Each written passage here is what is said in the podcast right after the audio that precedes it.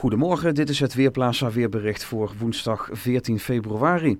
De dag begint op veel plaatsen nog droog, met in het zuidoosten misschien zelfs even een glimp van de zon. Maar vanuit het westen breidt een nieuw gebied met regen zich over het land uit en vooral vanmiddag verloopt dan nat. Het is daarbij wel zacht voor de tijd van het jaar met temperaturen tussen de 10 en 13 graden. Er staat een meest matige wind die aan zee af en toe vrij krachtig is uit een zuidwestelijke richting. En morgen komen we dan in nog veel zachtere lucht terecht, met in het zuidoosten van het land lokaal zelfs 17 graden. In de ochtend valt er nog wat regen, maar smiddags is het overwegend droog met in het zuiden en zuidoosten mogelijk wat zon.